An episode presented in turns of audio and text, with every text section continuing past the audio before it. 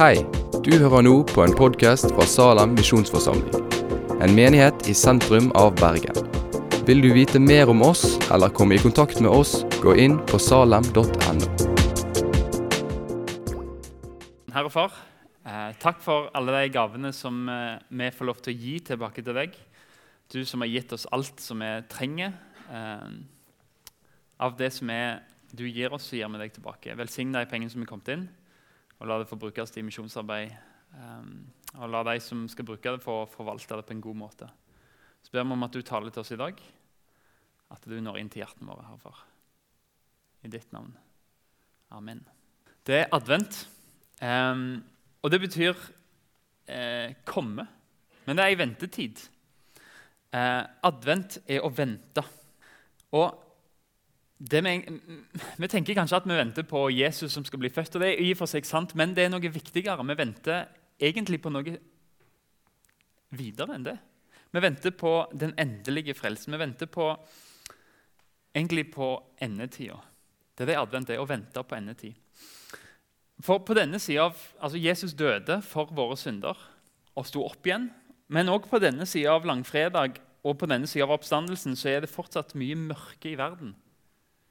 Et mørke som ingen Black Friday-tilbud kan fikse. Og det er mye sult i verden som ingen halloween-gresskar kan mette. Og det er en skeiv fordeling i rikdom og muligheter i verden som ingen julegave kan fikse. Det er noe som skurrer med verden. Selv om Jesus har dødd og stått opp, dødd for våre synder, så er verden fortsatt i mørket. Advent det er en tid for å vente, for å faktisk omfavne ventetida. Og egentlig tenke på og grunne på det som skal skje, og erkjenne at her så er verden, tilværelsen, livet er urettferdig. Det er ikke alltid godt. Men vi venter på at en dag skal Jesus komme igjen som en rettferdig dommer over alt som er urettferdig. Og I advent så venter vi egentlig, og vi bekjenner. Vi bekjenner og tror at Jesus skal komme igjen for å skape en ny himmel og en ny jord der ingen ondskap, ingen mørke, ingen sykdom, ingen lidelse, ingen død. Men det innebærer at Jesus skal dømme. For å skape, altså, for å skape en rettferdig himmel og en rettferdig jord så må Jesus ta vekk det som er urettferdig.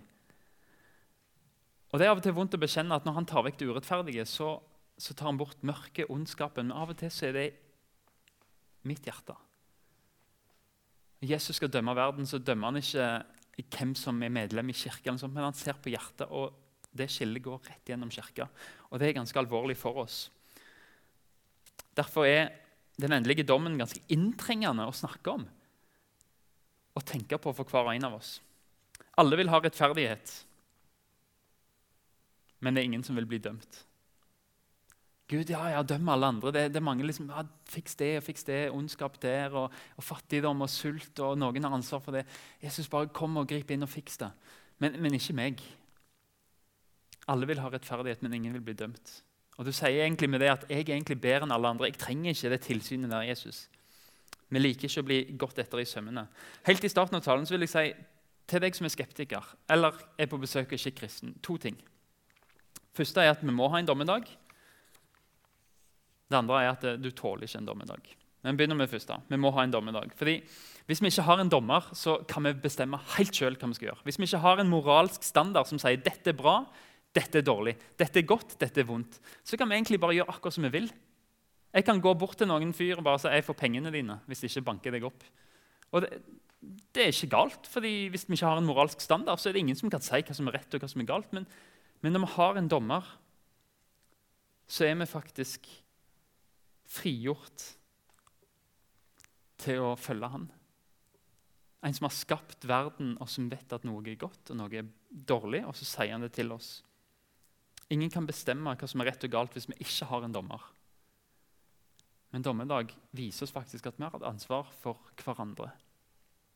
Vi lengter etter rettferdighet. Mobbing, overgrep, rasisme og drap. Det som er ondskap at vi, Av og til når jeg ser nyhetene, så må jeg bare kapitulere og bare si vet du hva, det er, mye, det er så mye vondt som skjer i verden.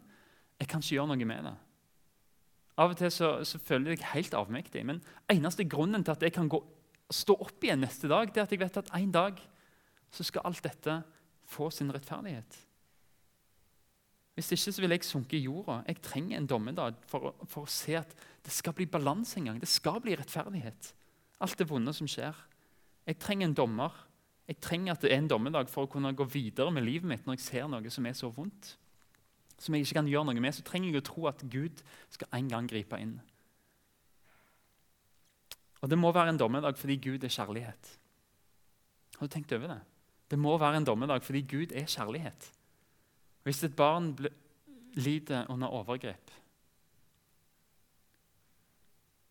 så elsker Gud det barnet.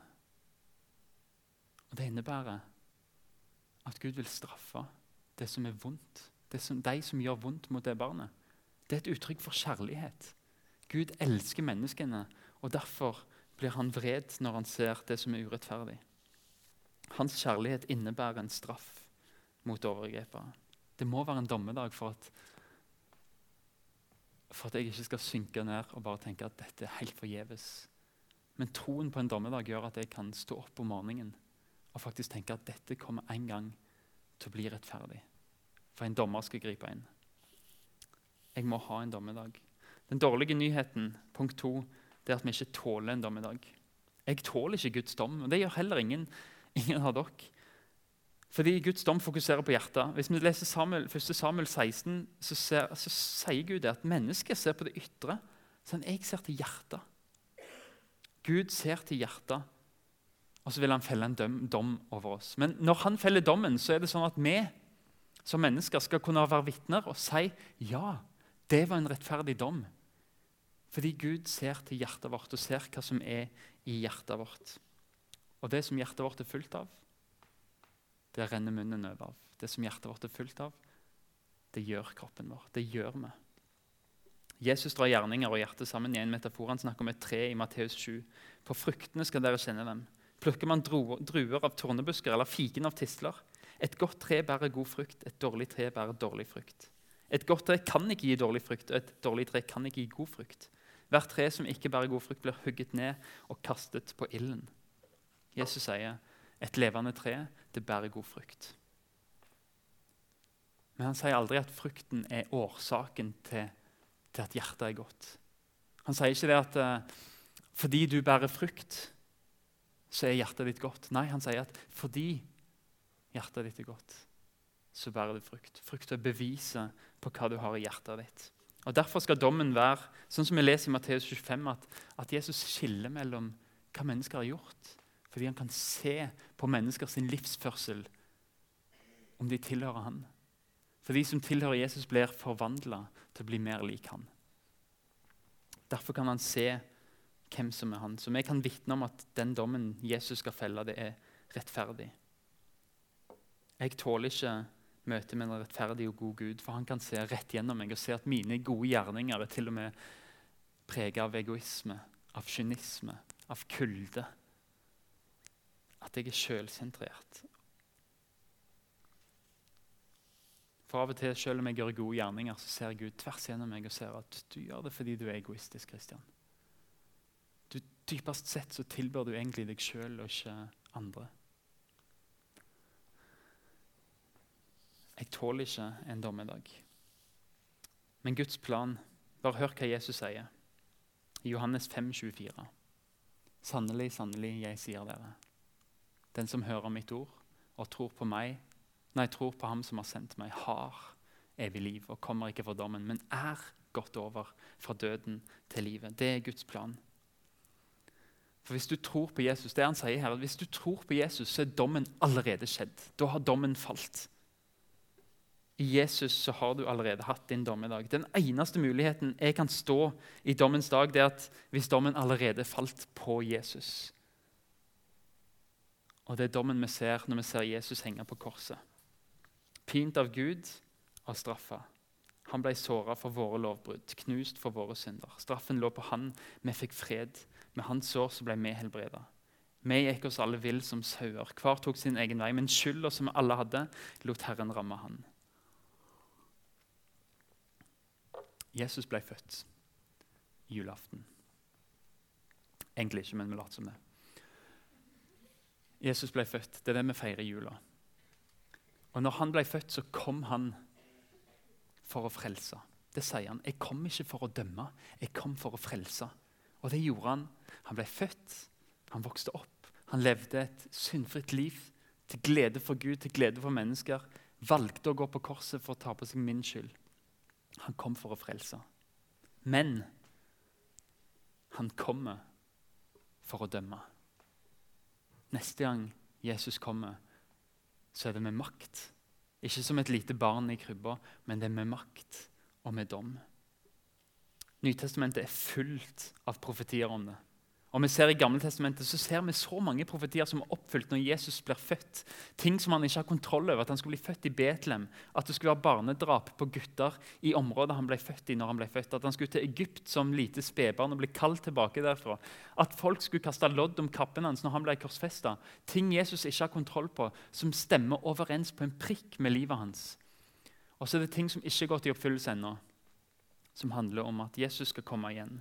Men når jeg ser at alt det som skjedde med Jesus, bare stemmer på en prikk med Bibelen, så fyller det meg med tro om at han, når det står at han skal komme igjen med dom, så er det sant. Jeg vet ikke om dere har tenkt over at det er et nytt kirkeår nå. Med første søndag i advent i morgen. Det er nyttårsdagen til kirka. Og det er egentlig litt vinklingen for talen videre nå. Det er at det er et nytt år. Og det er en mulighet for å gjøre regnskap. Ofte må vi levere regnskap. Um, og det, For jødene spesielt, som feirer nyttår på en veldig spesiell måte, de drev med ransakelse. Og Nytestamentet er fullt av det samme. De sier 'våg, vær edru'. Og så er det mange eksempler på folk i Bibelen som faller fra, og folk i, i kirkehistorien som faller fra troen. Det er mulig. Og jødene de, på nyttårsdag så tar de masse sånn vatt i lommene. Og så går de til et vann, til havet, eller til en innsjø, eller basseng eller fontene. hva som helst. Og så nyttårsdag, det de gjør, det er at de vrenger lommene sine. Og alt som er der, kaster de i vannet. Og så viser de med det at de vil drive bot, at de omvender seg fra det de har gjort. De vil kaste bort synden. Og de håper at det skjer, det som står i Mika 7. Hvem er en Gud som hvem er en Gud som du, som tar bort skyld og tilgir synd for den resten han eier? Han holder ikke evig fast på vreden, for han vil gjerne vise miskunn. Herren skal igjen vise barmhjertighet mot oss og trå vår skyld under fot. Du skal kaste alle våre synder ned i havets dyp. Sånn markerer ortodokse jøder nyttår. De bruker den dagen til å omvende seg til Gud. Til å omvende seg fra syndene sine. Og det er et nytt år for oss òg, med første søndag i morgen. Og det er tid for å ta årsregnskap. Og Det er bra for oss å ha en dag der vi kan gjøre opp status. Jeg skal lese en tekst til dere, en lignelse som Jesus forteller til disiplene. Så fortalte han den, denne lignelsen. En mann hadde et fikentre som var plantet i vingården hans. Han kom for å se etter frukt på det, men fant ingen. Da sa han til gartneren, nå er det tredje året jeg kommer og leter etter frukt på dette fikentreet. Uten å finne noe. Hogg det ned. Hvorfor skal det stå der og suge ut jorden? Men gartneren svarte, Herre, la det stå dette året også. Så skal jeg grave omkring det og gjødsle det. Kanskje det da vil bære neste gang. Hvis ikke får du hugge det ned. De snakker om deg i himmelen. Du er tema for en evaluering. Denne kristne denne som kaller seg kristen? Bærer han frukt? Eller tar han bare opp næring? Tar han bare plass for andre som kunne vokse? Skal vi bare hogge det ned, eller skal vi la treet leve? Jeg vet ikke om du tåler sannheten om din egen gudsrelasjon hvis du hadde fått innblikk i den samtalen om når de snakker om deg. Jeg vet ikke om du greier å høre sannheten i din egen samvittighet? Eller overdøver du den sannheten med musikk, med bøker, med filmer, selskapsliv, med sex? Med alt mulig. Støy. så lenge du slipper å bare ta det der oppgjøret med deg sjøl, så lenge du bare kan drive på uten å endre på livet ditt. Men møter du ikke samvittigheten av og til? Møter du ikke av og til noe som stikker deg? Eller unnskylder du deg og sier nei, det er ikke gjerrighet, det er sparsommelighet. Nei, det er ikke forfengelighet, det, det er skjønnhetssans. Det er ikke sinne, det er ikke rått snakk, det er ikke baksnakkelse. Jeg forteller bare sannheten. Det er ikke løgn, det var bare en hvit nødløgn. I dag er tradisjonelt sett i kirka muligheten og bekjennelsen der. Det er en alvorlig tekst. Et tre som ikke bærer frukt, bare hogg det ned. Stikker det litt? Når det er Jesus, den barmhjertige og snille og ømme Jesus som er med i denne samtalen, hogg det ned. Det er en alvorlig tekst. Men det står 'men gartneren'. Det er Jesus. Men Jesus. Det er hele kristendommen i to ord. Så er det av og til 'men Jesus'. Oss, alt vårt rot, alt vårt mørke, men Jesus går i forbønn for treet. Ett år til. La meg få lov til å prøve å nå inn til dette mennesket i år òg. Kanskje kan jeg greie å smelte is av hjertet. Kanskje kan jeg få lov til å vise min skjønnhet og nåden, sånn at denne personen slipper tak i alt annet og bare omfavner meg og det evige livet. Det er der frukten kommer fra. Vi lever på Jesu forbønn og Hans nåde. Han går i forbønn for oss. Men så stiller denne teksten et ganske heftig valg òg. Vil du la han få grave rundt? Kanskje beskjære det av deg som ikke bærer frukt, det som ikke er meint til å være der, det som ikke er godt. La ham få gi deg næring gjennom Bibel og bønn. La deg få bære frukt. Vil du la ham få lov til å gjøre det, eller vil du bare gå herifra selv om samvittigheten river i deg og bare Nei, det der glemmer jeg bare. Jeg overdøver det. Kanskje tenker du at ok, ungdomsmøte 2018 Litt streng, han som står på scenen nå. Tar litt kraftig i. Men da vil jeg bare si at hvis du syns det, så kan det godt være at du har helt rett. Men hvis du syns det og tenker at 'jeg tror han har feil', så er du helt nødt til å gå hjem og sjekke det han står og sier på scenen. Stemmer det egentlig overens med det Bibelen sier? Er det sånn det er? Og Hvis det ikke er sånn, så følg det som står i Bibelen. Men hvis du ser at det stemmer, så må du tenke at det er ingenting annet som er viktigere. Hvis du ser at det stemmer, så må du spørre deg sjøl hva er det som gjør meg så nervøs og urolig for dette budskapet. Kanskje er det fordi at du lever i noe som du vet egentlig ikke stemmer overens med Bibelen. Noe som du vet ikke er bra for deg. Kanskje noe som du ikke har fått bekjent, noe du ikke har fått tilgivelse for av Gud eller av andre mennesker ennå. Noe som du ikke har turt å, å løfte fram i lyset og si 'Se her, dette har jeg gjort. Kan du tilgi meg?'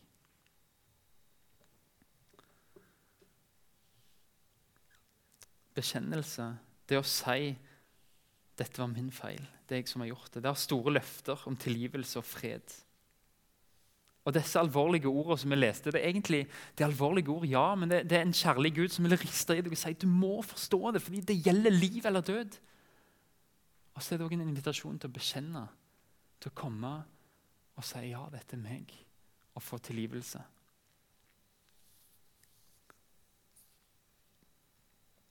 Noen av dere har vært urolige for troslivet over lang tid.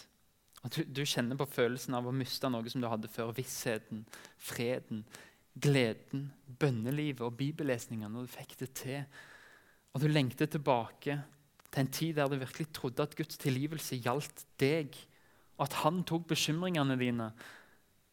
Og så stikker talen litt ekstra nå, når du kjenner kanskje jeg har blitt det treet som ikke bærer frukt lenger. Og så tenker du hva skal jeg gjøre? Skal jeg gjøre for å komme tilbake? Du stiller det feile spørsmålet. Ikke spør hva skal du gjøre. Spør det rette spørsmålet hva gjør Jesus? Fordi det er han sin gjerning som teller. Han ber for deg. Han er trofast. Selv om du er troløs, så er han trofast. Han ber om frukt. Han graver rundt stammen din og gjødsler, gir deg næring. Han gir deg tro. Han gjør det gjennom at han stikker kanskje på noen ting i hjertet ditt som gjør vondt. Og så vil han at du skal komme fram i det i lyset, sånn at han kan fjerne det. Han kaller deg til å ta et oppgjør. Han sier, 'Bare kom til meg med alt som tynger.' Jeg vil gi deg frihet. Kom, gå, gå til Jesus. Og, og, det, det, ser ut som at i hjertet ditt at du bare sier 'Gud'. Og så legg Dette gjør vondt. Det du peker på nå. Ditt svik, dine nederlag. Fortell han hva som er blitt viktigere for deg enn en han sjøl. Hva som har fått ta hans plass, som, som egentlig han skulle ha. Og han tilgir alt uten å bebreide uten fordømmelse. Han tilgir. Lukas, den, den, lignelsen om treet som vi leste, det, det, handler ikke om treet som ikke er godt nok til å bære frukt. Det handler om gartneren som vil stelle med det treet, sånn at det får bære frukt. Vil du ikke la han få lov til å gjøre det? Jesus kom igjen. Jesus kom igjen. Og da kommer han til å dømme etter hva han ser. Har denne personen tro? Hvordan kan vi vite det? Jo, vi ser på frukt. Og Den talen om at Jesus kom igjen, den er allerede holdt. Jeg skal sitere en av de talerne som er sitert mest gjennom tidene. Det er Jesus sjøl. Jeg skal lese en god del tekst nå. Og kanskje har du Bibelen med deg. Da kan vi få litt mer lys i salen. så kan de som vil følge med der i Matteus 24 og 25. Eller så kommer det på skjermen òg. Men vi leser fra Matteus 24. Vi begynner i vers 37. Som i Noas dager. Slik skal det være når menneskesønnen kommer. Menneskesønnen Jesus. For i tiden før storflommen spiste og drakk de, giftet seg og giftet bort. Helt til den, Noah, den dagen Noah gikk inn i arken. Og de skjønte ingenting før flommen kom og tok dem alle. Slik skal det være når menneskesønnen kommer. Da skal to menn være ute på markene. Én blir tatt med, én blir igjen. To kvinner skal male sammen på kvernen. Én blir tatt med, én blir igjen. Så våg, da. For dere vet ikke hvilken dag Deres Herre kommer. Men det skal dere vise, vite. Dersom husherren visste når på natten tyven kom, ville han våke og ikke la ham bryte seg inn i huset. Derfor må også dere være forberedt, for menneskesønnen kommer i den time dere ikke venter det. Og Så hopper vi til Matteus 25 og vers 1. Og Jesus taler fortsatt om endetida. Da kan himmelriket sammenlignes med ti brudepiker som tok oljelampene sine og gikk ut for å møte brudgommen. Fem av dem var uforstandige, og fem var kloke. De uforstandige tok med seg lampene sine, men ikke olje. Men de kloke tok med seg kanner med olje sammen med lampene. Da det trakk ut før brudgommen kom, ble de alle trette og sovnet. Men ved midnatt lød et rop. 'Brudgommen kommer! Gå og møt ham!' Da våknet alle brudepikene og gjorde lampene i stand. Men de uforstandige sa til de kloke, 'Gi oss litt av oljen deres, for lampene våre slukner.' Nei, svarte de kloke. Det blir ikke nok til både oss og dere. Gå heller til kjøpmannen og kjøp selv. Mens de var borte for å kjøpe, kom brudgommen, og de som var forberedt, gikk sammen med ham inn til bryllupet, og døren ble stengt. Det er et bilde på himmelen. Seinere kom også de andre brudepikene og sa, 'Herre, Herre, lukk opp for oss.' Men han svarte sannelig, 'Jeg sier dere, jeg kjenner dere ikke.' Så våg, da, for dere kjenner ikke dagen eller timen. Og Så hopper vi til vers 31 i Matteus 25. Men når menneskesønnen kommer i sin herlighet, og alle englene med ham, da skal han sitte på sin trone i herlighet, og alle folkeslag skal samles foran ham. Han skal skille dem fra hverandre som en gjeter skiller sauene fra geitene, og stille sauene på sin høyre side og geitene på sin venstre. Så skal kongen si til dem på sin høyre side, Kom hit, dere som er velsignet av min far, og ta i arv det riket som er gjort i stand for dere fra verdens grunnvoll ble lagt. For jeg var sulten, og dere ga meg mat. Jeg var tørst, og dere ga meg drikke. Jeg var fremmed, og dere tok imot meg. Jeg var naken, og dere kledde meg. Jeg var syk, og dere så til meg. Jeg var i fengsel, og dere besøkte meg. Da skal de rettferdige svare, Herre, når så vi deg sulten og ga deg mat, eller tørst og ga deg drikke? Når så vi deg fremmed og tok imot deg, eller naken og kledde deg? Når så vi deg syk eller i fengsel og kom til deg? Og kongen skal svare dem, sannelig, jeg sier dere, det dere gjorde mot en av disse minste søsken, har de gjort mot meg. Så skal han si til den på venstre side, gå bort fra meg, dere som er forbannet, til den evige ild som har gjort stand for djevelen og englene hans. Et lite moment der. Legg merke til det. Fortapelsen er lagt i stand for djevelen og de onde åndene. Gud vil ikke at mennesker skal dit. Men noen mennesker velger bort Gud og Da vil de være en plass der Gud ikke er Gud som er lys og liv og glede og sannhet og kjærlighet. De vil være en plass der Gud ikke er. Men Gud har i først laga det til djevelen og englene hans. Han vil at alle mennesker skal bli frelst, men det er ikke alle mennesker som vil ha noe med Gud å gjøre. Men invitasjonen er der. For jeg var sulten, og dere ga meg ikke mat. Jeg var tøst, dere ga meg ikke drikke. Jeg var fremmed, og dere tok ikke imot meg. Jeg var naken, og dere kledde meg ikke. Jeg var syk og i fengsel, og dere så ikke til meg. Da skal de svare, Herre, når så vi deg sulten eller tørst og fremmed eller naken eller syk eller i fengsel uten å komme deg til hjelp? Da skal han svare dem, sannelig, jeg sier dere, det dere ikke gjorde mot en av disse minste, har dere heller ikke gjort mot meg. Og disse skal gå bort til evig straff, men i rettferdige til evig liv.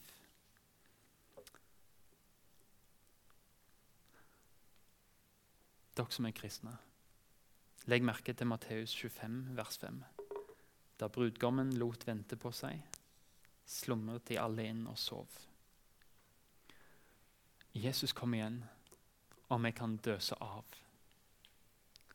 Det beskriver mange kristne i dag. Gud er på halvdistanse. Latskapen gjør at en, en orker ikke følge Guds ord fordi det koster for mye. Det er så strengt, eller en blir så annerledes den første søndagen i kirkeåret, eller den siste lørdagen om du vil, det er alarmklokka til dere. Der Gud sier 'våk', for dere vet ikke timen. Martin Luther han sa 'den som ikke frykter for seg sjøl', altså den som ikke er redd for at ikke alt er bra, han har all grunn til å frykte. Men det som mener at Omvendelse, det å venne seg til Gud, det skal skje hver dag. At Vi trenger hele tida å bekjenne. Vi trenger alltid å si til Gud Gud, du har rett om mitt liv. Å bekjenne det vi gjør galt, og få tilgivelse for det. Vi er alltid avhengig av Gud. Og Så kan du si ja, men er det en frykt, da? Skal vi være redd Gud? Men, men det handler like mye om frykten som alle lamma har, som gjør at de faktisk holder seg nær til Gud, nær til hyrden. De er redd for hva som kan skje med dem, så de holder seg nær til Gud. Og Det er det vi også, Det er den gudsfrykten vi har. Vi er redd for hva som kan skje med oss, så vi holder oss nær til Gud, for vi vet at Han er frelser, og Han er Herre. Vi søker Gud og lever i lyset, bekjenner, og da blir vi tilgitt. Altså Vi er i stand til å møte Jesus når han kommer uten å være i fare. I dag så vil jeg spesielt vi inviterer til forbønn nå etter talen. I Forbederen skal få lov til å komme først til nattvær. Og så etterpå så, så er det mulighet til å gå til forbønn. Og Jeg har lyst til å spesielt invitere dere til å bekjenne synder. Det kan være litt rart, for det, vi er kanskje ikke vant med det. Men, men Bibelen oppmuntrer oss til å bekjenne syndene for hverandre. Og det er en god ting det å få høre at du er tilgitt for Jesu Kristi skyld. Det kan skape fred.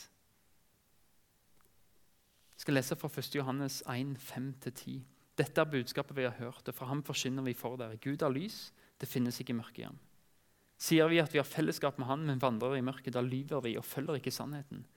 Men dersom vi vandrer i lyset, slik Han selv er lyset, da har vi fellesskap med hverandre, og blodet fra Jesus, Hans sønn, renser oss for all synd. Sier vi at vi ikke har synd, da bedrar vi oss selv, og sannheten er ikke i oss. Men dersom vi bekjenner våre syndere, er Han trofast og rettferdig, så Han tilgir oss syndene og renser oss for all urett. Sier vi at vi ikke har syndet, gjør vi ham til en løgner, og hans ord er ikke i oss. Vi inviterer deg til å dele med noen i dag. Kanskje koster det det ganske mye, men, men jeg tror det kan skape fred. Det å få bekjenne for noen. Og få høre at i Jesu navn så er du tilgitt. Hvis du kommer til forbønn i dag og sier at du vil bekjenne Det som skjer da, det er at forbederen spør er det noen ting du har lyst til å bekjenne spesielt. Og Du kan bruke den tida du trenger. og Ikke være redd for å være stille. hvis du visste det, Men kanskje kan stillheten hjelpe deg til å tenke hva er det egentlig som, som samvittigheten peker på. Kanskje har du ikke ord, og da kan du få lov til å bruke Salme 51 eller Salme 139, der Bibelen hjelper oss til å bekjenne. Og så er Jesus til stede i forbønn. Der to eller tre er samla, der er Jesus midt iblant dere. Det du sier, det hører Jesus òg. Og så kan forbederen si til deg etter vår Herre Jesu Kristi befaling, så tilsier jeg deg syndenes forlatelse i Faderens, Sønnens og Den hellige ånds navn. Det kan være med å skape fred gi tilbake frimodighet og glede. Og Kanskje skal du gjøre det før du kommer til nattverd i dag. Og bekjenne, så får du tilgivelse i form av brød og vin i hånda di. Del med noen det du bærer på. Og Våre forbedere har taushetsplikt, så du trenger ikke være redd for at de sprer det videre. Men del det med noen. Og kanskje hvis du ikke er forbeder, så, så noen i bibelgruppa di, en venn eller, eller noen som du stoler på. Vi har en Gud som tilgir oss hvis vi kommer til Han, og han vil være der vi er samla i Hans navn.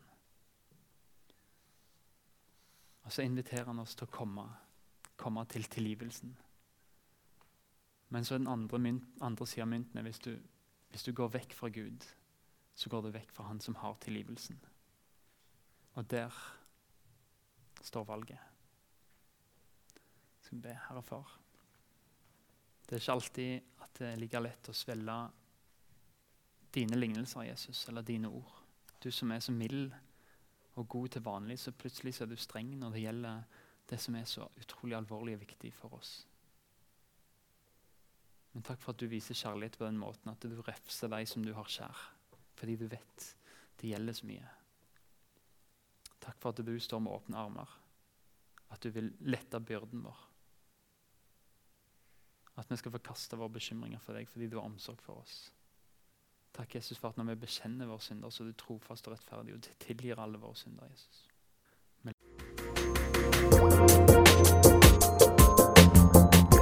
Takk for at du har hørt på podkasten fra Salem, Bergen. I Salem vil vi vokse i et stadig dypere fellesskap med Gud og med hverandre. Vi vil være Jesu hender og føtter, og vi vil være med og forkynne frelse for Bergen og resten av verden. Besøk oss gjerne på salem.no om du vil vite mer.